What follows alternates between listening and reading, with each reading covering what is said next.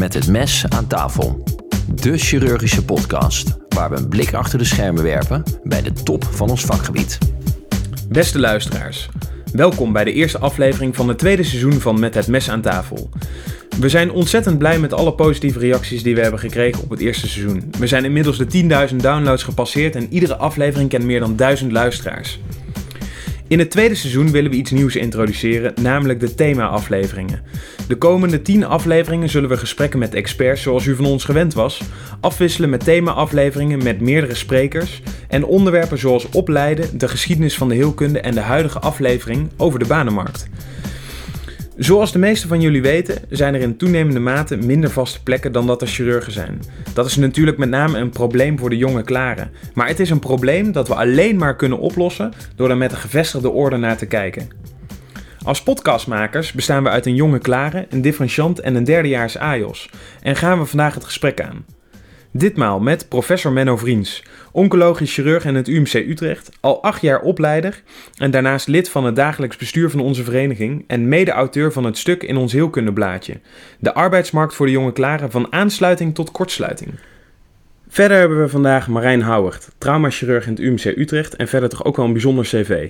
Naast aftredend voorzitter van de congrescommissie, ook schrijver van het boek Zorg voor je mensen. Bovendien is hij oprichter van Stichting Zwik, die zorgt voor zorgpersoneel tijdens de coronapandemie, maar voor ons vandaag belangrijker ook blogger en schreef onder andere het veelgedeelde stuk Voor uw levensgeluk adopteren jonge klaren. En als laatste onze jongste debutant in de podcast, Erik van der Stok, AJOS in het Erasmus MC, voorzitter van de VAGA en ook mede-auteur van het eerder genoemde stuk. Welkom heren en dank voor jullie komst. Met het mes aan tafel. Welkom in Utrecht heren, goed dat jullie er zijn. Ja, in onze eerdere afleveringen namen we altijd de tijd om onze gast wat beter te leren kennen. Dat is wat ingewikkelder met uh, drie mensen. Uh, maar toch zou ik even graag van jullie willen horen waar je bent opgegroeid en, en opgeleid. En misschien als extra, wie is je belangrijkste opleider? Misschien kunnen we beginnen bij uh, de jongste, Erik. Um, ja, ik, ik kom uit Rotterdam. dat wil zeggen, daar heb ik geneeskunde gestudeerd en word ik nu ook opgeleid. Uh, ben nu werkzaam in het uh, Erasmus MC.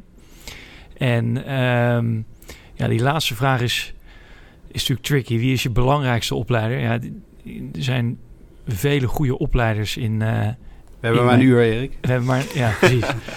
um, Oké, okay, dan um, Imro Dolsen. Marijn. Uh, ik ben geboren in, in Zeist, in de Zeisten-bossen. Dus dat is eigenlijk vlakbij uh, bij, uh, bij Utrecht. Um, ik ben in Utrecht gaan studeren. Um, daarna ben ik met mijn opleiding gestart in het Diakonessenhuis. Eerste twee jaar daar, daarna twee jaar hier in het UMC en daarna weer terug naar het Diakonessenhuis. En ik ben een jaar fellow geweest in het Antonius en daarna ben ik hier in de staf terechtgekomen. En wie mijn belangrijkste opleider is, het is voor mij heel makkelijk. Dat is echt wat Johan Verlijsdonk. Uh, want zonder hem was ik nooit traumachirurg geworden. En Menno? Geboren en getogen in Breda. Ik heb uh, geneeskunde gestudeerd in Leiden. Opgeleid in Utrecht. Uh, diakonesse en het UMC Utrecht. Daarna nog fellowship endocrine chirurgie gedaan in San Francisco. ik zeg altijd, je bent een mozaïek van je opleiders. Maar als ik er dan twee mag noemen. Inne Borel Rinkes, mijn voorganger en opleider hier in het UMC Utrecht. En Orlo Clark, mijn opleider endocrine chirurgie in San Francisco. Hartstikke mooi. Nou, dan gaan we beginnen met deze aflevering over de banenmarkt. Eerst zullen we wat bespreken over hoe groot het probleem is. Daarna gaan we nadenken over oplossingen. En als laatste uh, behandelen we waar de verantwoordelijkheid ligt of zou moeten liggen. Uh, om te beginnen, Erik, kun je ons vertellen hoe de huidige stand van zaken is? Um, nou, dan moet ik eigenlijk beginnen bij, bij het begin. Hè. Dat is dus zeg maar december 2019 toen we dit met de VAGA opgepakt hebben. Um, we kregen signalen eigenlijk uit drie verschillende groepen dat er, dat er druk was op de arbeidsmarkt. Mensen die uh, gewoonweg werkloos zijn. Mensen die niet uh, als chirurg aan het werk komen.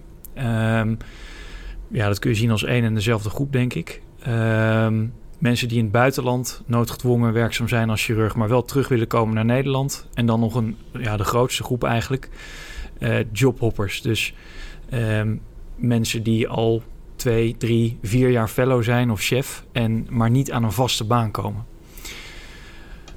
Wat we dan zien is dat Eh, die werkloze groep, of mensen die niet kunnen werken als chirurg, dat is 6%. Dat was in 2019 zo en dat is in 2020 nog steeds zo. Mensen die noodgedwongen in het buitenland zitten, althans mensen die in het buitenland werkzaam zijn als chirurg, dat is ook 6%. Uh, waarvan de grote meerderheid aangeeft terug te willen komen naar Nederland om als chirurg te werken. En dan die laatste groep, uh, dat is dit jaar doorgestegen naar zeg maar 44% Dat zijn mensen met een tijdelijke baan. 44% van? 44% van alle jonge klaren. Dus dit zijn percentages die gaan over alle jonge klaren. En de definitie van een jonge klare, dat zijn mensen die dus uh, tot vijf jaar na hun C-briefje op de markt zijn. Ja. Um, en wat dan denk ik een belangrijke trend is om te noemen, als je het hebt over de stand van zaken, wat je ziet is dat het aantal tijdelijke contracten toeneemt. En wat je ook ziet is dat ten opzichte van 2019 um, een steeds grotere groep, uh, drie, vier, vijf jaar na behalen van C-briefje, een tijdelijk contract heeft ten opzichte van een vaste baan. Dus je ziet ook dat mensen steeds langer inderdaad uh, jobhoppen.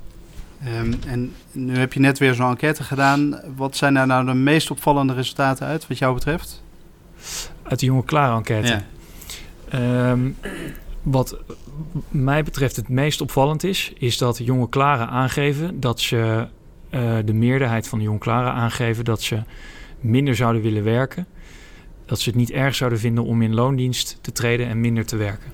Ja ten ja. opzichte van vrij gevestigd specialist. Maar, maar daarnaast natuurlijk de getallen die je eigenlijk net, uh, net noemde. Hè? Dat, uh, je, je gaat nu al een beetje richting de, de, de oplossing of zo toe, maar de, de getallen nee, zijn...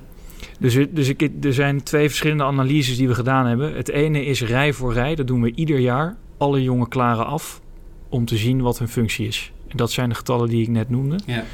We hebben ook deze zomer jonge klaar enquête gedaan. Dat is eigenlijk iets, iets heel anders. En als je me daarvan vraagt wat is het meest opvallende, dan, dan vind ik het heel opvallend dat de jongere generatie, uh, ook de jonge klaren die vrij gevestigd zijn, als je die vraagt uh, of, of ze FTE zouden willen inleveren ten koste van hun vrij gevestigde status, dat de meerderheid aangeeft dat ze dat niet erg zouden vinden. Is dat nou een, uh, een nieuw probleem of was dit uh, ook al zo aan het begin van, van uh, jouw opleiding? Marijn? Um, nee, ik denk, ik denk dat het aan het begin van mijn opleiding anders was. Hè? Zeker, zeker voor de, voor de traumachirurgie was ik destijds in de, in de gelukkige omstandigheid dat er een aantal plekken waren. Dus dit is, dit is wat mij betreft um, iets van met name de afgelopen vijf jaar waarbij we zien dat het, dat het toeneemt. Dat je zelfs voor de traumachirurgie, het wisselt wel een beetje, maar uh, dat, dat je gewoon uh, voor sommige plekken dat daar twintig man op, op solliciteren. Dus uh, ja, als ik in, in de traumachirurgie was het natuurlijk altijd goed. Dus daar zie je nu ook dat het minder goed wordt. En bij de GE is het natuurlijk een drama. Als ik kijk naar de, de, mensen om mij heen. Een, een, mooi voorbeeld is, is Anne den Hartog, met wie ik al vanaf mijn negentiende samen studeer en menig etablissement in Utrecht heb bezocht. Die, die heeft nog steeds geen, geen vaste plek. En dat is gewoon echt een topper. Dus dat is ook een van de redenen waarom ik destijds die blog geschreven heb. Hè, de commie van de verhalen van Anne en de, en de enquête van Erik. Dat ik dacht van, jezus jongens, waar, waar gaan we naartoe met elkaar? Ja. Je stipt het al een beetje aan, uh, maar misschien kan Erik daar meer over zeggen. Zijn er nou hele grote verschillen tussen de differentiaties? Ja, daar, daar zijn verschillen tussen. Die hebben we alleen niet... Uh, ja, gepubliceerd. Uh, ik denk ook, en dat is ook wat we op de najaarsdag gezegd hebben, dat zolang wij aangenomen worden voor de opleiding als algemeen uh, chirurg, um, dat het niet zo heel zinvol is om over die verschillen te praten. Omdat uiteindelijk is het denk ik een, een uh, thema binnen de algemene heelkunde, wat we onafhankelijk van je differentiatie zeg maar, met elkaar moeten oplossen. Um, anders gezegd, als nu iedere jonge klare traumachirurg vaatchirurg wordt... of iedere jonge klare GE-chirurg vaatchirurg wordt... dan hebben we nog steeds hartstikke veel chirurgen. Ja, precies. Het probleem is er, maar het, het zit wat verschillend binnen de bepaalde differentiaties. Hè? En hoe is dat nou ontstaan, uh, dat probleem? Menno, heb je daar een uh, kijk op? Jazeker. Um, dat hebben we ook gepubliceerd in ons stuk in het uh, Nederlands tijdschrift. Um, het is multifactorieel bepaald. Hè, uh, we weten dat er natuurlijk enkele ziekenhuizen samen zijn gegaan. En door het samengaan van de ziekenhuizen betekent ook dat chirurgenclubs met elkaar samen zijn gegaan. Dat is natuurlijk niet ten faveur gekomen van de jonge klaren. we zien dat we steeds meer bezig zijn om ons vakgebied te versmallen. Ehm, herschikking van taken, om maar iets te noemen, dat komt natuurlijk ook ons niet ten goede. we weten dat in het begin van de jaren tachtig dat er, een, dat er twee jaar lang de opleiding in ieder geval stil heeft gestaan. Dat zouden in potentie zouden dat degenen zijn die nu met pensioen zouden gaan. Dus er is eigenlijk een disbalans ontstaan tussen de instroom en de uitstroom. En ik denk nogmaals, het is multifactorieel bepaald. En dat zijn maar een, een drietal voorbeelden om maar aan te geven dat, uh, dat, uh, dat we nu alle zeilen bij moeten zetten om, uh, om het probleem te attackeren. En wie denkt er nou na over de instroom en hoeveel mensen er aangenomen mogen worden? ja, dat is een hele goede. Het werkt, het werkt als volgt. Uiteindelijk uh, uh, bepaalt uh, Bols, wat een, een, een, een, club is die ingesteld is door VWS, die bestaat uit bestuurders en opleiders, om het maar even grofmazig te zeggen, die bepalen uiteindelijk de instroom per jaar. Bols wordt ingefluisterd door het capaciteitsorgaan het capaciteitsorgaan berekent. Hè, uh, nou, er zijn heel veel factoren die daar een, een, rol bij uh, spelen. Maar die bepalen een soort van bandbreedte. Van goh, wij denken op basis van die getallen dat we zoveel AIOS moeten aannemen voor dit vakgebied. Nou, worden ze ook nog ingefluisterd door het uh, Centraal Bureau van de Statistiek. Die zeggen, hè, om nu maar een actueel voorbeeld te noemen, uh, we verwachten dat binnen nu en 20 jaar er ongeveer nog uh, 600, 700, misschien wel 800.000 Nederlanders bij gaan komen. Dus daar moeten we nu alvast een beetje op gaan voorsorteren in de aanname van uh, nieuwe specialisten. Nou, zo, zo komt dan een berekening uh, naar voren. Uh, en we zijn nu, nou misschien moet jij daar maar iets meer over zeggen, Erik. We zijn dus nu enorm uh, bezig om samen met het capaciteitsorgaan, samen met het concilium, het bestuur en de VAGA, te kijken of inderdaad al die berekeningen kloppen. En of we daar laag in die bandbreedte kunnen gaan zitten. Want inderdaad, als je hoog in die bandbreedte gaat zitten en maar eindeloos veel uh, uh, AIOS binnenhaalt, is voor bestuurders natuurlijk fantastisch. Want, hè, en, uh, maar daar wil jij misschien straks wel wat over zeggen, Marijn. Um, want het is een beetje jouw paradepaardje. Um, voor AIOS, hè, voor, voor bestuurders, uh, is het hebben van veel AIOS in een, je kliniek. Nou, dat is niet onaantrekkelijk. Hè, als je weet dat de, de, de maatschappij ongeveer 144.000 euro per AIOS per jaar betaalt, kan je als bestuurder er alleen maar in je handje van wrijven als, dat, als er veel AIOS in je kliniek rondlopen. Dat zijn dus ook de mensen die in het capaciteitsorgaan daar uiteindelijk over beslissen. Is dat ook zo? Nou, uiteindelijk beslist BOLS het. Ja. Capaciteitsorgaan is een adviserend orgaan ja. dat uh, uh, advies geeft aan BOLS. En BOLS bepaalt uiteindelijk wat het instroom gaat worden. Geïnstigeerd door de oren en door, uh, nou ja, door, hè, door, door bestuurders en door opleiders. Um, want er zijn een aantal aannames gedaan om te komen tot de getallen waar we nu op zijn. Um, en daar schreef je ook wat over in het stuk. Um, en volgens, volgens mij heb je ook gekeken naar die aannames en wat kan je daar iets over zeggen? Ja, dus Menno introduceerde dat al een beetje. Er zijn actualiteiten in de arbeidsmarkt waar gewoonweg geen rekening mee gehouden is door het capaciteitsorgaan. Logisch, want dat kun je niet voorspellen. Bijvoorbeeld, wat net niet genoemd is, wil ik wel nog even noemen: het hoofdlijnenakkoord. Met 0% groei in 2022. Dat zit niet in die ramingen verwerkt. Wat, dus daar, wat, wat kun je daar nog iets meer over zeggen? Wat bedoel je daar precies nou mee? ja, dat wil zeggen dat um, uh, productie van ziekenhuizen uh, niet kan groeien. Um, maar de chirurgische populatie groeit feitelijk wel op basis van allerlei andere parameters. Daar ontstaat dus een mismatch. Dus dan kan de zorgvraag wel groeien, maar als je als ziekenhuis niet kunt groeien, um, in je chirurgische maatschap bijvoorbeeld, heel concreet, en ontstaat daar een mismatch. Um, maar goed, dat is een van die vele factoren die net al benoemd is. Het andere is inderdaad de ramingen zelf. En dan viel één ding specifiek op. En dat is het feit dat het capaciteitsorgaan al een aantal jaar uh, raamt op basis van de aanname dat medisch specialisten, maar ook chirurgen, massaal minder gaan werken, minder FTE gaan werken. Um, maar eigenlijk is het ook zo, en dat schrijft het capaciteitsorgaan ook in haar rapport, um, dat ze van vrij gevestigd medisch specialisten geen informatie hebben over het aantal FTE dat zij werken over de jaren heen. Dus het is echt een aanname geweest. En um, wij hebben ons dus terecht afgevraagd. En daar is ook actie op ondernomen. Hè, of dat nou wel klopt. Dat chirurgen massaal minder gaan werken. Ehm, en dat is iets wat nu uh, in september uitgevraagd is. Eigenlijk aan alle vakgroepen in Nederland. Hoeveel FTE werk je? Daar is een responspercentage van 100% op geweest. Dus dat is zeer, zeer waardevolle uh, informatie en een succesvolle uitvraag geweest. Die we ook ieder jaar moeten gaan herhalen. Maar dat betekent wel dat die berekening nu dus uitstaat bij het capaciteitsorgaan. En dat we nog steeds niet weten of chirurgen massaal minder gaan werken. En daar is wel op geraamd de afgelopen jaren. Dus ja, inclusief een... de maximumleeftijd van 65 naar 67 jaar voor werken. Nou, dat, dat is iets wat ze pas sinds 2019 doen. En dus inderdaad, tot 2019 is de verhoging van de pensioenleeftijd niet meegenomen in de ramingen. Dus dat is nog zo'n punt van kritiek inderdaad ten aanzien van de ramingen. En speelt nou ook nog uh, mee um, de, uh, marktwerking in de zorg? Het idee dat als je maar. Uh, te veel mensen opleidt, dan selecteer je de beste uit. En of iedereen gaat minder werken en dan wordt het allemaal goedkoper. Speelt dat ook nog ergens mee dat jullie weten? Ja, kijk, het, hetgene wat ik er lastig aan vind, is dat ik denk dat er een financieel belang is om extra AIOS aan te nemen. Hè? Ik bedoel, de AIOS heeft een rugzak. De AIOS kost een bepaald bedrag. Maar er zit, een, er zit best een discrepantie tussen de waarde van de rugzak en de kosten van de AIOS.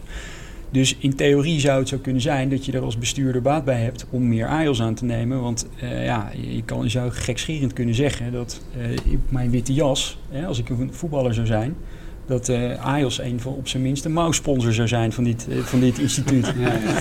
Dus de AIOS levert meer op dan dat het kost ik denk per definitie, en, en zeker voor de heelkunde, hè, bedoel, uh, ja, dat weten jullie natuurlijk allemaal, dat als jij derdejaars heelkunde AIOS bent en je bent niet al te onhandig, dan kan je een appendix eruit halen, een galblaas eruit halen, kan je per toch een terefermenfractuur opereren, je kan de abscessen doen, je kan ergens een kadraad inboren. Dus je bent al heel snel best wel inzetbaar voor het ziekenhuis waar jij werkt. En als je dan ook nog eens een keer een, een ja, laten we het maar gewoon zo benoemen, een gratis werkkracht bent voor uh, het instituut waar je werkt, of dat nou een maatschappij is of hier een academisch ziekenhuis, ja, dan is er dus een belang om meer AIOS aan te nemen. Los van de hele discussie over al dan niet um, een overschot creëren, zodat we met z'n allen in loondienst gaan. Erik, kan je nog wat zeggen over de verwachtingen voor de toekomst? Want daar heb je ook een hele berekening van gemaakt. Ja, dus we hebben samen met het capaciteitsorgaan een uh, projectie gedaan ten aanzien van uh, dus het aantal chirurgen wat de markt opstroomt de komende jaren tot en met 2024. En dan komen we uit op een groei van zo'n 150 chirurgen. Nou, dat heeft het capaciteitsorgaan eigenlijk ook zelf zo geraamd. Dus dat komt overeen, onze berekening met die van het capaciteitsorgaan. De afgelopen zes jaar was die groei uh, volgens onze berekeningen ja, zo'n 190 chirurgen. En dat is denk ik ook wel iets wat, uh, wat thuis hoort in deze podcast. Er is natuurlijk ook een bepaalde behoefte geweest en in de toekomst ook aan groei. En de hamvraag is dus van ja, hoeveel groei moet dat nou zijn? Groeien we heel erg hard of groeien we te langzaam? Nou, dat laatste de, denkt de VAGA en ik persoonlijk niet. Uh, die groei is, is 150 de komende zes jaar. We moeten gaan zien hoe groot die groei dus is. In het kader ook van de actualiteit van de, van de arbeidsmarkt. En nou denk ik zelf dat uh, enige krapte en druk ook zeker positieve effecten kan hebben. Waarbij mensen ja, wat extra um, best gaan doen om, uh, om een positie te veroveren. Dat is helemaal nooit zo, zo gek. In, in, meerdere bedrijven is dat denk ik zo. Maar dat als het perspectief uh, verdwijnt of ehm, te klein wordt, dan, dan kan dat in één keer heel snel omdraaien en, en, minder gewild vak worden. Uh, waardoor men, mensen juist niet meer die inzet willen geven. Um, Marijn, wat, wat denk jij dat de potentiële lange termijnseffecten zijn van dit probleem waar we het nu over hebben? Ja, ik denk dat het, uh, wat, jij, wat jij al aangeeft, hè, bedoel, een, echt wel een gevaar wat, wat op de loer ligt, is dat mensen gewoon stukken minder gemotiveerd zijn om voor het vak te kiezen. Dat is één. Dus twee, dat er minder goede mensen voor kiezen daardoor. Uh, ik denk dat je, en dat heb ik ook wel meegemaakt hier met onze, onze AIOS orthopedie die traumastage bij ons doen. Het zijn ongelooflijk goede mensen. Hè, en daar zit, je dan, daar zit je dan mee te lunchen. En die gaan allemaal naar het buitenland. En zeggen van ja, weet je, we gaan het zien. Misschien gaan we bij een van die privéklinieken werken. Maar de moraal wordt wel ongelooflijk laag. Hè. Eerst zes jaar geneeskunde. Nou, dan vinden we ook nog met elkaar dat iedereen maar moet promoveren. Dus een van mijn stokpaardjes dat ik het echt flagrante nonsens vind. Dan ben je dus ook al uh, zomaar drie jaar ben je daar zoet mee. Nou, dan, uh, dan moet je nog eens ergens een keer een jaar aaniossen. En dan ben je tien jaar verder. Eh, dan doe je zes jaar een opleiding, ben je 16 jaar onderweg. En dan zeggen we met elkaar, nou weet je wat, hier heb je nog twee, drie, vier, vijf tijdelijke dienstverbanden. Ja, ik moet je eerlijk zeggen, ik schaam me de ogen uit mijn kop daarvoor. En denken jullie dat het, ehm, eh, dat het nou een, een tijdelijk iets is? Dat het zich wel weer bijtrekt vanzelf als we eh, gewoon er niet te veel aandacht aan besteden en op een gegeven moment eh, gaat het wel weer over omdat er vergrijzing is? En Me- Menno, wat denk jij daarvan? Nou, niet te veel aandacht aan besteden. ik denk niet dat het een goede route is. Eh, maar ik denk zeker dat het goed gaat komen. Ik denk dat, eh, weet je, ehm, eh, nogmaals, het is multifactorieel bepaald. Dus moeten we het ook multifactorieel aanpakken. En ik denk dat als we met z'n allen onze schouders eronder zetten, als we met z'n allen hè, alle mogelijke oplossingen die we, nou daar gaan we het zo meteen, met, zo meteen waarschijnlijk nog over hebben, als we de, de oplossingen die we hebben, ehm, als we die, nou ja, weet je, dicht bij ons houden, dan ben ik ervan overtuigd dat het probleem opgelost gaat worden. Nogmaals, en dat, eh, daar, daar, daarmee zijn onze meningen net iets anders over. Ehm, ik denk nog steeds dat we het allermooiste vak eh, binnen de geneeskunde hebben. Eh, daar verschillen onze meningen niet Nee, over. dat weet ik, dat weet ik. Maar ehm, ehm, ik denk nog steeds dat wij de allerbeste krachten aantrekken. Dat we niet hè, dat er een, een, devaluatie van de heelkunde aan het plaatsvinden is. Ik denk wel dat je nog meer en, en beter voorbereid kan zijn als AJOS. Daarom vind ik ook zo mooi het programma wat we binnen het concilium hebben, is om te profileren. Zorg nou dat je een unique selling point hebt, om maar iets te noemen. En eh, ik ken voorbeelden van, eh, van, nou dat zijn al eh, klare chirurgen die ooit bij een sollicitatie tegen de maatschap zeiden: ik zorg ervoor dat er geen cent de verkeerde kant op zal gaan deze, in deze maatschap. Nou, die jongen die is binnen Goed de kortste keren aangenomen. dat is natuurlijk een hele dat, is- natuurlijk. een hele, dat is natuurlijk een hele flauwe. Maar ehm, dat is echt een oproep aan alle jonge klaren. Hè, maak, je, maak jezelf nou ongelooflijk aantrekkelijk. En dat is heel lastig, want ik weet dat er nu eh, heel veel jonge klaren eh, rondrijden die echt cv's hebben. Nou ja, waar eh, onze drie cv's aan deze kant van de tafel niet eens aan kunnen tippen. En die hebben op dit moment ook geen baan. Maar ik wou echt een oproep doen. Ga uit van je eigen kracht. Want ik ben ervan overtuigd dat het allemaal goed gaat komen. Daar wil ik het niet mee eh, bagatelliseren. Ik moet er met z'n allen full force tegenaan. Maar uiteindelijk gaat het probleem opgelost worden. Maar, maar denk je dat het zo kan zijn dat iedere AJOS een uniek selling point kan hebben? Natuurlijk. Want dan, dat zijn heel veel selling points. Hè? Ja, zeker. Ja. Ja, maar ja, ga, uit van je eigen kracht. Kijk, ja, een eh, beetje, ik ik vind deze positieve insteek, dat- dat, dat is precies wat we willen. En we willen nu naar de oplossingen toe. Ehm, je kan hier al eh, snel lang over gaan nadenken en lang over gaan zeuren, maar dat is precies waar we niet heen willen. Dus we willen gaan, gaan bedenken, wat, wat zijn nou mogelijke oplossingen? Ehm, en in hoeverre zijn ze dan ook reëel en kunnen verwachten dat ze ook verwezenlijk kunnen worden? Ehm, en dat- dat, die bouwen een beetje stap voor, stap voor stap af. Nou, de eerste hebben we het al een beetje over gehad, dat het ons domein eh, misschien uitgebreid moet worden. Ehm, eh, of moeten we het beter bewaken, of is het al weg? We hebben al wat verloren aan eh, onder, onder andere de interventieradioloog en eh, eh, nog wel een paar andere dingen. Eh, Marijn, kunnen wij ons domein nog verder uitbreiden? Ja, ik, ik heb, oh, maar dat is echt persoonlijk, ik heb heel veel moeite met domeinen en dingen. Hè? Ik bedoel, we hebben met elkaar een, een zorgplicht in Nederland. En, en, ja, maar goed, daarom ben ik misschien niet de standaard chirurg, al- ben je paars. Weet je, als je wat je doet goed doet, dan maakt het mij niet zo heel veel uit of je achtergrond interventieradioloog, vaatchirurg is. Of als je een wervelkolom opereert, eh, orthopedisch chirurg, neurochirurg of plastisch chirurg. Hè? Daarin ben ik denk ik beïnvloed door, door Euner, hè, onze hoogleraar wervelkolomchirurgie die daar ook echt zo, zo in staat. Dus ik geloof niet zo heel erg in die, in die domeinenstrijd. Anderzijds denk ik wel dat het voor de patiënt bijvoorbeeld van essentieel belang is dat wij enige kennis hebben van wat er gebeurt op de intensive care. Hè, om eens een dwarsstraat te noemen.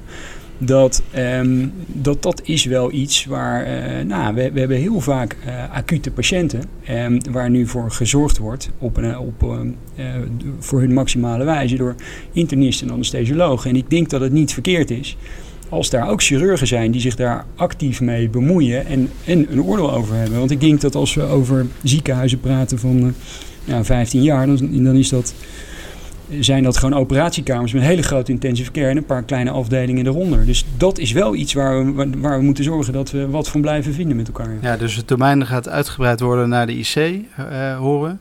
Maar het is Eh. aan de andere kant is het op zich ook wel interessant, omdat Ehm, ja, je zegt ik ben eigenlijk niet van de domeinen. Maar het is natuurlijk een hele ideale wereld waarin we, zeggen, waarin we allemaal tegen elkaar zeggen... we hebben geen domein, we doen alles met elkaar. Maar uiteindelijk moet er toch bij ieder specialisme een brood op de plank komen. Nou, wat ik ermee wil zeggen is dat, eh, ook, ook naar aanleiding van, die blog... is dat je, dat je ziet dat het niet alleen een chirurgisch probleem is. Dus de radiologen hebben het probleem, de orthopeden hebben het probleem... de cardiologen hebben het probleem, de internisten hebben het probleem. En ik denk altijd dat je meer bereikt als je ophoudt met in domeinen denken... en dan komen we misschien bij 2... maar met elkaar de handen ineen slaat... Hè, dan kan je wel zeggen van ja, er is, een, er is een traumaplek die wordt ingevuld door een orthopeed. Je kan ook denken, nou ja goed, er moet kennelijk die zorg geleverd worden. En we hebben nu een jonge specialist die die zorg levert. En ik denk ook dat dat de weg is. Uh, maar goed, daar moet Erik zo dadelijk maar op reageren. Maar dat je als jonge klare zorgt dat je belangen op een goede manier behartigd worden. En doe dat in godsnaam met elkaar. En ik denk dat je dan het verst komt. Ja. Um, misschien kunnen we door naar de... Uh, daar kan jij misschien wat over vertellen, uh, Erik. Want uh, we hadden het over de orthopedie. Die hebben hetzelfde probleem nog steeds. Maar die hebben dat ook proberen op te lossen. Um, en die hebben een soort rekentool ontwikkeld. Kan jij daar iets over zeggen, Erik? Is dat een oplossing? Um, dus wat, wat zij gedaan hebben is in 2016 al uh, de handen ineengeslagen met uh, Sibbing, een financieel adviesbureau. En die, die hebben een rekentool waarmee ze dus een vakgroep kunnen doorlichten en kunnen uitrekenen uh, hoeveel het kost om FTE te creëren. Dat betekent dus dat vakgroepgenoten uh, minder gaan werken, dat ze een jonge klare kunnen aannemen als fellow of als maat. Ja, er staat natuurlijk een bedrag tegenover. Nou ja, dat kan dat bedrijf uitrekenen. Nou, Want dan heeft... ga je dus minder verdienen. Ja, dan ga je wel met z'n allen uh, minder verdienen. Maar goed, dan krijg je tijd voor terug. Exact, je krijgt meer vrijheden. Ja. Of, of, wat... of, minder diensten bijvoorbeeld. Dat je als, als uh, oudere maat je diensten uh, over laat nemen door een jonge klare. Dus goed, dat is de, de winst voor de zittende garde. En hoe ga je dat doen als oudere chirurg met een hypotheek die daar op helemaal is op ingesteld? Dat, dat, weet ik niet. Want het wordt veel gezegd uh, dat, dat uh, als iedereen nou minder gaat werken, dan, dan kunnen we meer mensen aan het werk zetten. En iedereen vindt het uh, toch wel prima om wat minder te verdienen en wat meer vrije tijd te hebben en leuke dingen te gaan doen. maar dat, dat wordt al lang gezegd. En het is niet zo dat we nu met z'n allen bedenken, laten we dat, dat eens even er doorheen duwen dat gaat waarschijnlijk toch minder makkelijk, denk ik, dan... dan Waar je nu bedenken. Ja, ja. ja. nou, ik, ik denk dat je niet moet onderschatten hoeveel uh, maatschappen al met deze thematiek bezig zijn, hoor. Dakpanconstructies. Uh, uh, hè, dat, dat er veel maatschappen toch echt wel de verantwoordelijkheid uh, hebben voor uh, hun, hun, hun klare AIOS. Dat zeggen we, goh, hè, het zij tijdelijk. Of dat zeggen, nou, weet je, dit is, dit is echt een van onze protégés. Wij willen gewoon dat, hij goed, dat, dat hij of zij goed terechtkomt. Uh, dus laten we iets voor hem of haar creëren. Dat, dat moet je niet onderschatten dat dat al uh, best wel in de landen gebeurt. Laat onverlet dat we uh, daar nog steeds, en, en daar zetten als, nou, als bestuur en VAGA en Concilium ook echt op in, dat we iedereen daar continu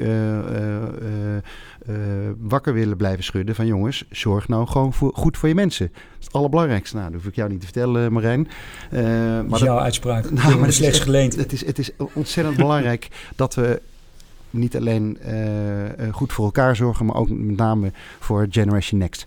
Ja. Um, Erik, nog even, want we hebben nu over orthopedie gehad. Ook de, de urologie heeft nog wat gedaan. En de longgeneeskunde, kan je zeggen, wat hebben die succes gehad? Het is toch altijd goed om af te kijken bij anderen. Zeker weten. Nou, die, die hebben het zonder dat bureau gedaan. Dus die, daar is een oproep geweest, een aantal jaar geleden. Um, maak plaats. En dat is zeg maar, nou ja, organisch verlopen. Dus die hebben met elkaar die FTE gecreëerd. En daarmee was het probleem opgelost. Zomaar vanuit niks heeft iedereen gezegd. Van, nee, uh, dat is natuurlijk. Er is een oproep geweest vanuit het. Nee, maar je zoekt, naar, je zoekt naar wat kunnen wij doen, wat kunnen we van hen kopiëren, waardoor dat bij ons ook zo organisch gaat. Hè? Ja, ja, dus er is een oproep geweest vanuit het, het moederbestuur. En daarop hebben vakgroepen actie ondernomen.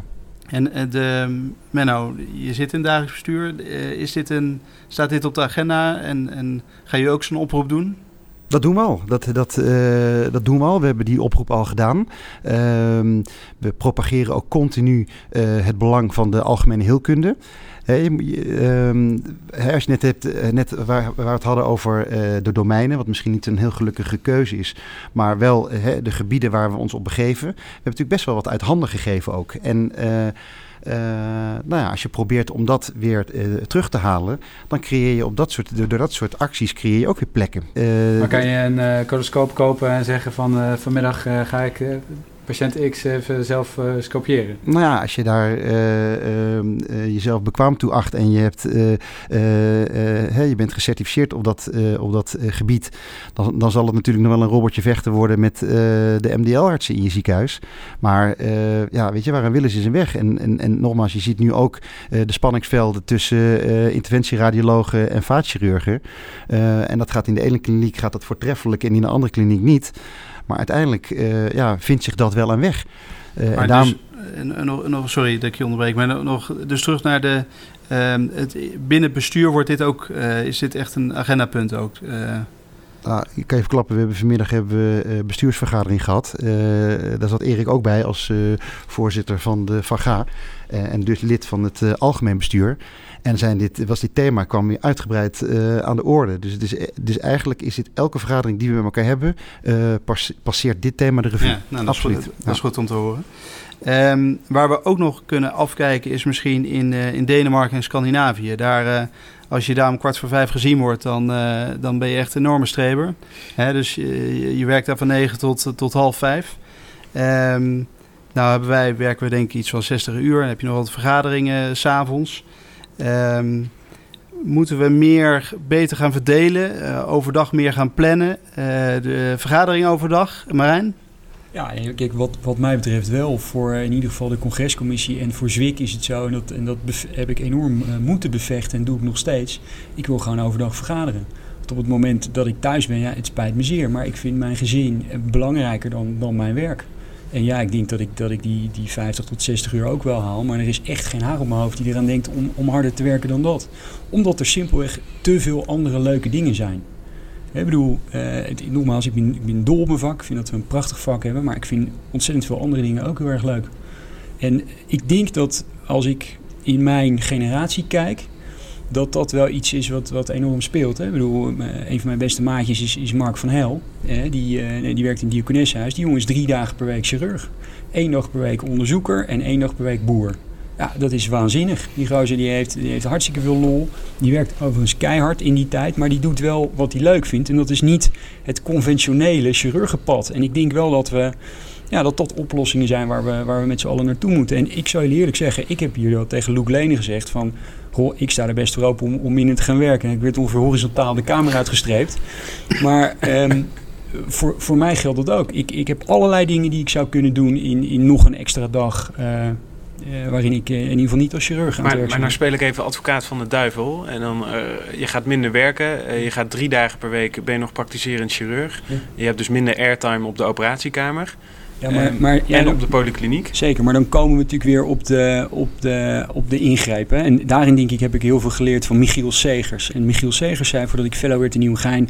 Marijn, ik ga een hele goede traumachirurg van jou maken. Ik ga jou tien operaties heel erg goed leren.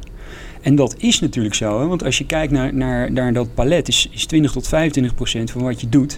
Is je PVNA, lange PVNA, kophals, DHS. Hè? Dat, dan heb je je heupjes al. Nou, en zo kan je je tien operaties verzinnen waar jij, die je dan ook op een hele goede manier kan doen. En dat bijvoorbeeld hetzelfde geldt voor Mark van Hel. Zijn, zijn aandachtsgebied is handpostchirurgie. Hij kan alle dingen doen in de, in de dienst. Als er een enkel is, kan hij er een fixateur over zetten. Hij levert onwijs goede zorg. Dus het is zo nonsens dat je niet in drie dagen per week een goede, goede chirurg kan zijn. Ik, ik uh, ja... Ik ben het ja, dus dus uh, ook een belangrijke uh, take-home message. want daar zit, daar zit de, de, wel uiteindelijk zit volgens mij daar de grootste manier om, om dit probleem op te lossen. Inderdaad, gewoon na drie dagen of minder, hè, eh, minder gaan werken en dus na drie of drieënhalve dag. Um, en dan moeten we ook FTA misschien wel creëren. En dat kan dan uh, met een eh, platform met de industrie of we een, dag en een week wat anders doen. Um, bij consultancy, startups, uh, Philips. Ik, ben, eh, ik geloof heel erg in dit, in dit concept dat je een drie of drieënhalve dag moet en een dag wat anders doen. Ik ben eh, nou, sinds nu een maand eh, bij een start-up begonnen gewoon om, om te zien hoe, ja, wat je daar kan halen, wat, wat daar leuk aan is. Ehm, ik, ik, zie heel erg dat, dat, dat daar volgens mij de oplossing ligt. maar je hoort dan direct, ja, maar je moet ook je vlieguren maken en ga je dat wel halen? Ja, dat, dat begrijp ik. Maar daarin moeten jullie echt, en, en bedoel je, net zoals een, een Mark dat bijvoorbeeld ook heeft gedaan, en, en ik ook op mijn manier, je, je maakt je eigen keuzes. Hè? Ik bedoel, de hele oude generatie kan, kan er wat van vinden. Maar ja, het, het, is jouw leven, het is jouw carrière. Wees gewoon dapper. Ga zeggen, ik ga drie dagen werken. Ja, we kunnen wel direct door, want ik, ik heb dit, ehm, deze oplossing gepitcht bij de, de, de maatschappij waar ik dan zelf zit. Um, als er nu een nieuw, nieuwe baan komt, was mijn idee, dan gaan we die met z'n tweeën opvullen. En dan maken we van 1 F2 1,2 FTE. Uh, en dan uh, solliciteer ik daar samen met een andere die ik dan uitkies voor. En dan gaan we op één baan solliciteren. Um, nou, toen keken ze me een beetje vreemd aan, want ze vonden het een vrij nieuw concept. Want dan werk je 2,5 dag. Nou, ik denk dat drie wel een beetje de minimum is. Drie. En dan die andere dagen, nou, ik denk dat ik dat zelf, daar kan ik genoeg leuke dingen in vinden.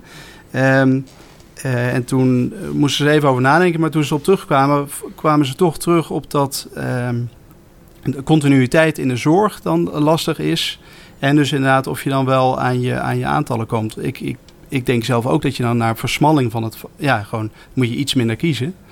Menno, kan je daar iets over zeggen? Wat, wat denk nou, jij ervan? Zou je, zou je iemand aannemen? Eh, zou dat een oplossing zijn? Ik vind het enorm mooi dat jullie uh, hè, zelf al uh, handvaten aanreiken hoe je, hè, hoe je een deel van het probleem kan, kan attackeren. Het is echt het nieuwe denken, hè, wat je al zegt. Ik denk dat de huidige generatie, misschien wel de generatie voor mij, die, nou, die, die, die, die, die schudden meewarig hun hoofd als je hier ja, als je over direct ontslagen, dat begrijp ik. Ja.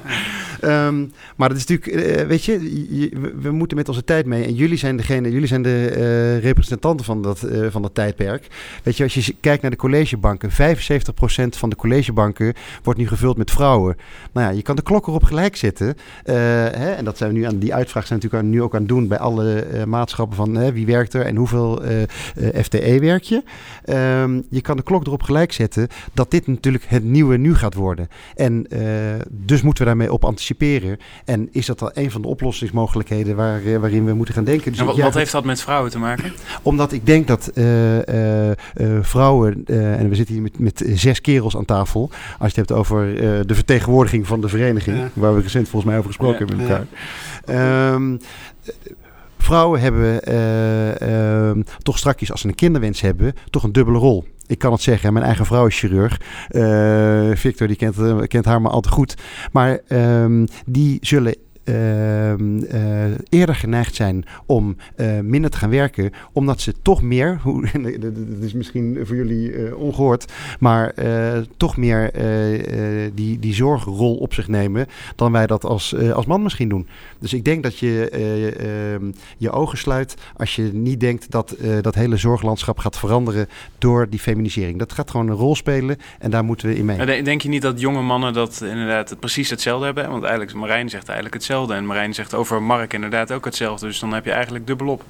Ik denk dat, dat uh, dit twee voorbeelden zijn van het nieuwe denken. En ik denk nog niet dat dat helemaal doorgesiepeld is uh, binnen het mannelijk geslacht, om eerlijk te zijn. Nou, daar kan ik nog wel wat over zeggen. Want in mijn laatste jaar heb ik ook drie dagen per week gewerkt als AIOS. En werkte ik één dag als onderzoeker en was ik één dag vader voor, voor mijn dochtertje.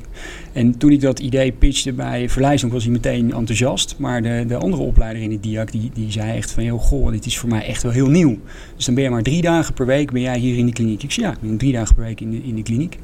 En ik denk dat ik het daarin kan. Nou, hij zei, oké, prima, laten we het maar gaan doen. En de afgelopen vijf jaar heb ik lol gehad van die ene dag in mijn zesde jaar dat ik alleen maar research heb gedaan. en, en, niet alleen ik, maar wij als regio. Dus Egbert Jan ook. Uh, Detlef van der Velde in, in, in Nieuwegein. Omdat je dan de rust hebt om op een goede manier erover na te denken. Dingen te gaan bouwen, et cetera. Dus ik geloof er heilig in dat het ook in drie dagen kan.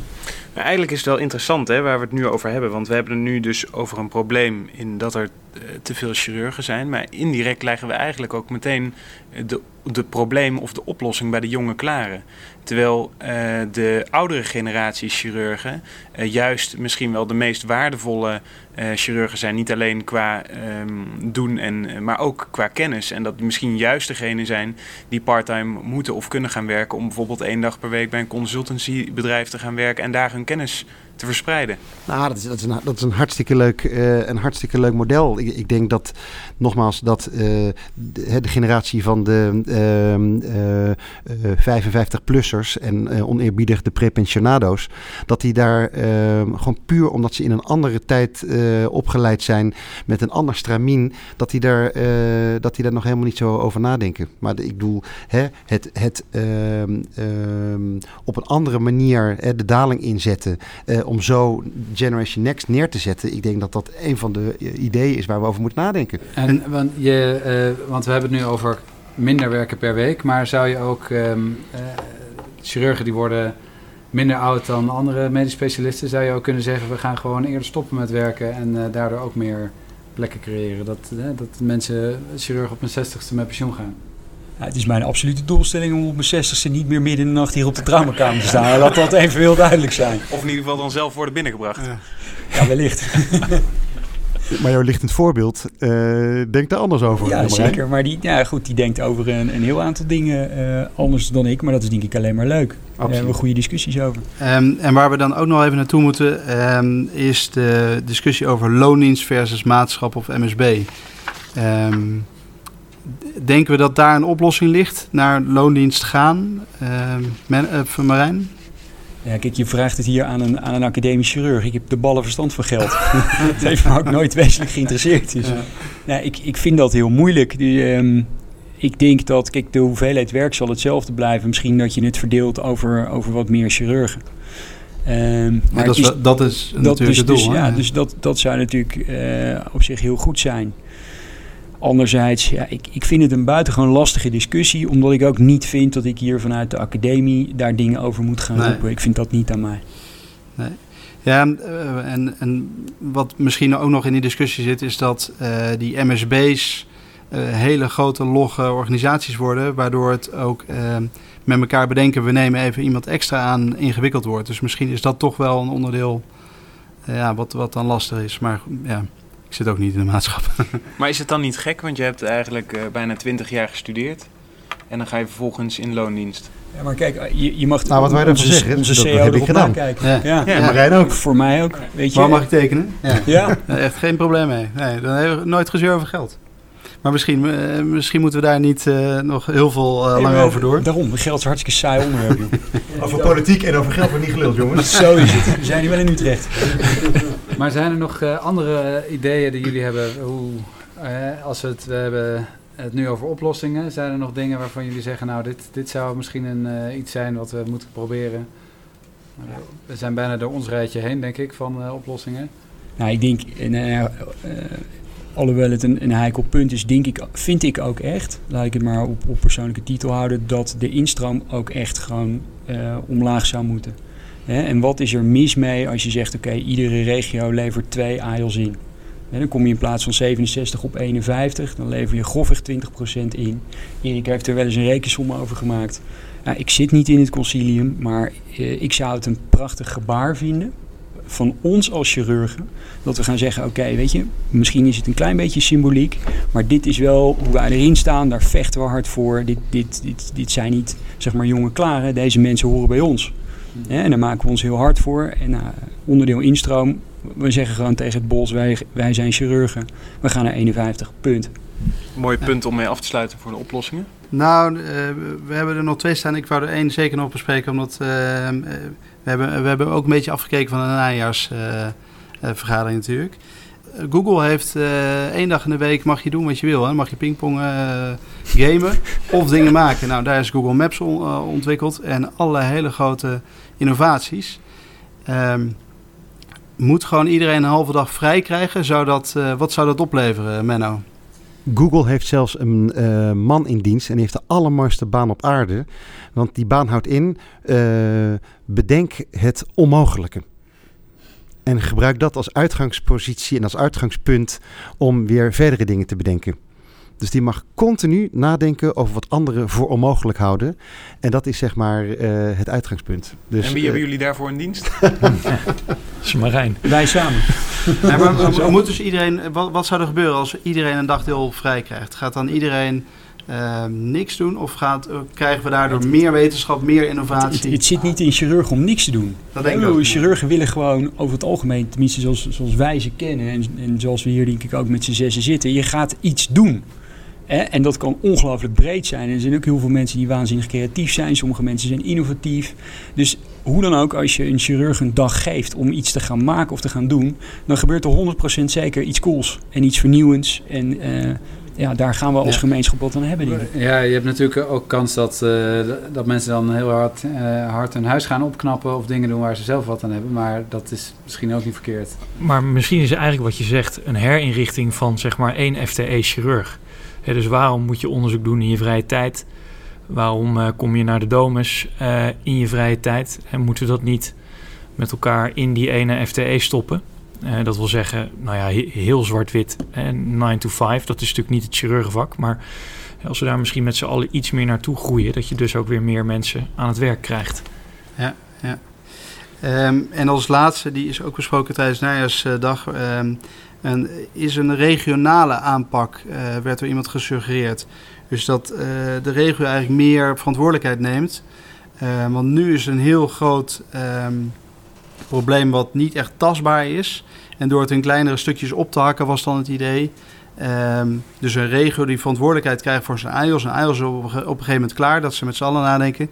Oké, waar in de regio gaat die, gaat die zitten? Ehm, is dat een oplossing, Menno? Eh, het is een schitterende oplossing. Dat is een beetje in lijn met wat ik eerder zei. Hè, dat je eh, dat je, eh, je verantwoordelijkheid neemt in je regio voor de mensen die je hebt opgeleid.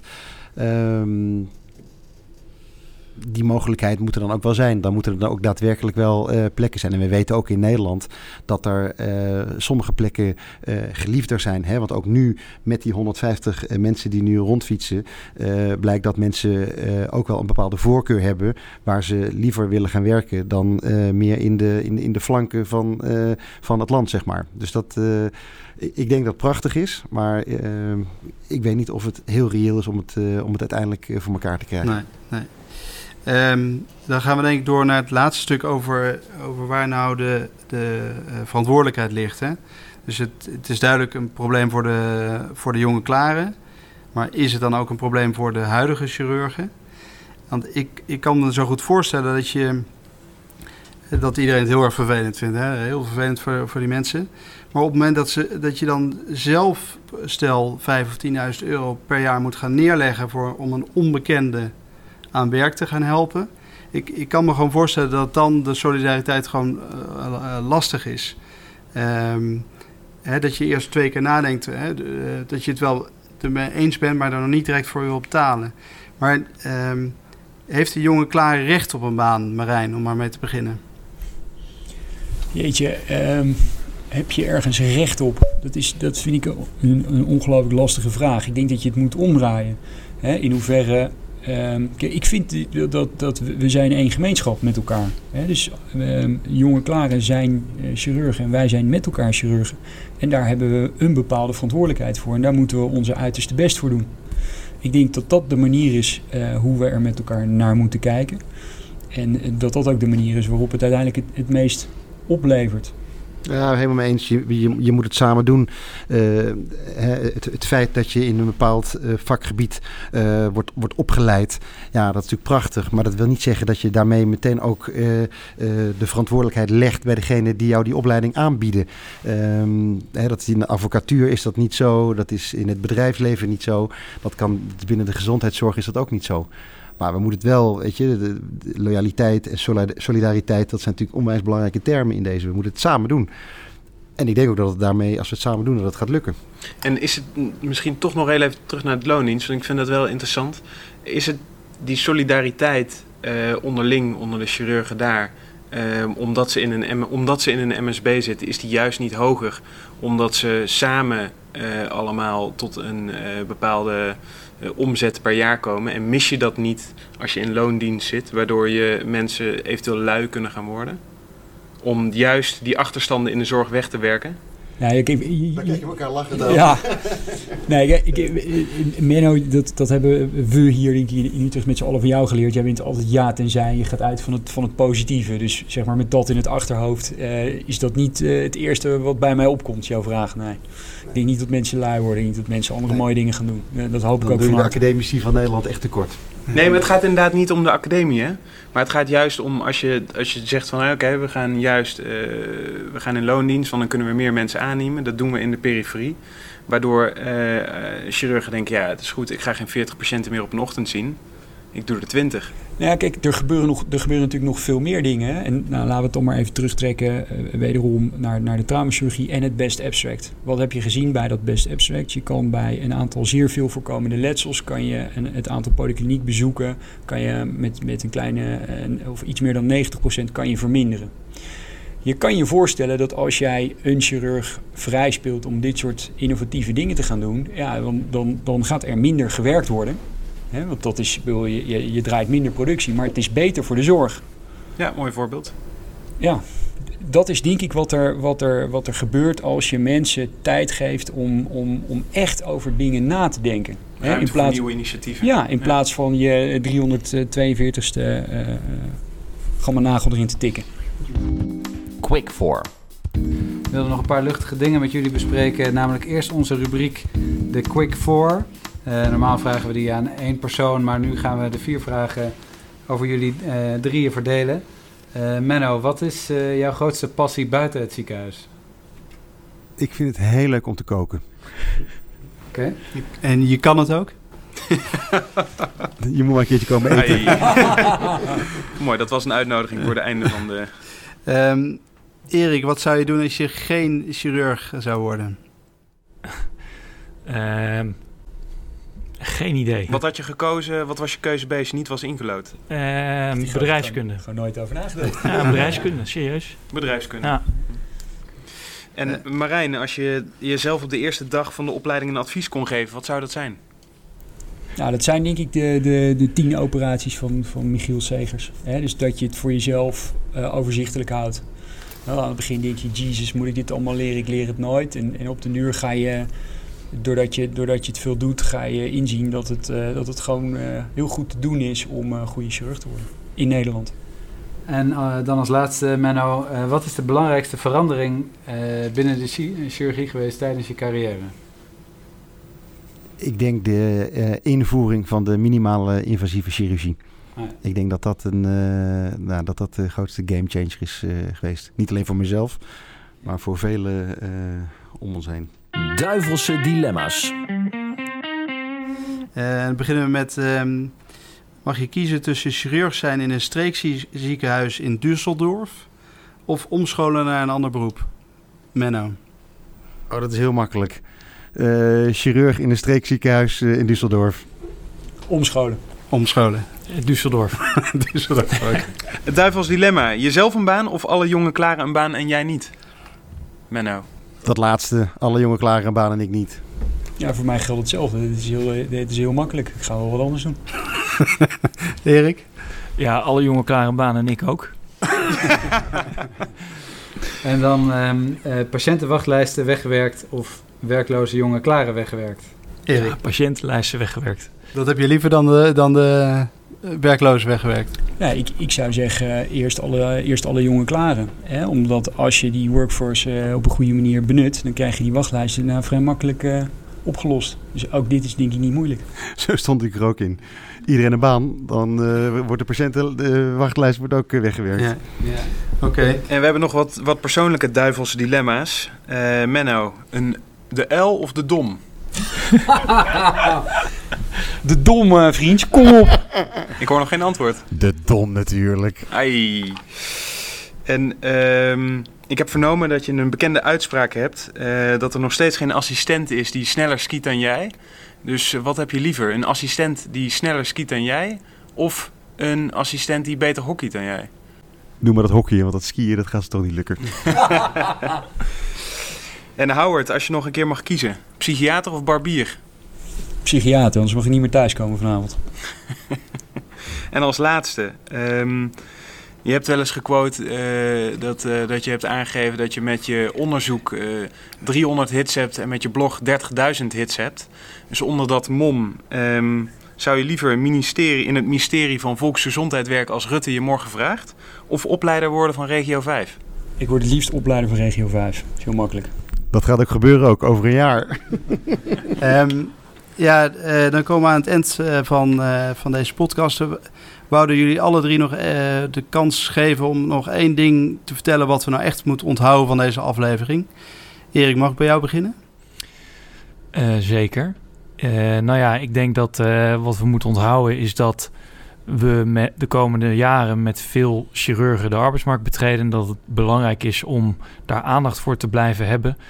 Eh, en dat het ultieme doel is om al die chirurgen ook echt als chirurg werkzaam te krijgen in Nederland. Marijn. Ja, ik denk twee dingen. Eh, nog een keer hoop ik echt van harte dat, dat we als vereniging eh, ons ongelooflijk hard maken voor eh, een vermindering van de, van de instroom. Dat is één. En twee hoop ik dat we bereid zijn als chirurgen om enorm out of the box te gaan denken. Dus weg bij het ouderwetse eh, 80 uur per week. Je bent alleen maar chirurg als je opereert. Maar inderdaad naar de, naar de oplossing, Tony, die jij net aandroeg. Hè, bijvoorbeeld eh, 1,2 FTE met twee mensen invullen, dingen naast het vak gaan doen. En eh, dat we onszelf als vak op die manier ontwikkelen. Dat hoop ik van harte. Menno. Uitgaan van je eigen kracht. Het gaat echt goed komen. En ik ben het met Marijn eens. Hè? Je bent coach van je eigen opleiding. Je bent coach van je eigen carrière. En coach van je eigen leven. Vooral veel mooie dingen doen. Maar niet je zorgen maken, want het gaat echt goed komen. Oké, dat is eh, denk ik een hele mooie afsluiter. Ehm, heel veel dank eh, voor, deze, voor deze aflevering, alle drie. Ehm, ik denk dat we nog niet eh, de absolute oplossing gevonden hebben, maar wel weer nagedacht hebben over welke kant we nou ook voor uit moeten. Dank jullie wel. Dit was Met het Mes aan tafel. Deze podcast wordt mede mogelijk gemaakt door Johnson Johnson. Dank voor het luisteren en tot de volgende uitzending.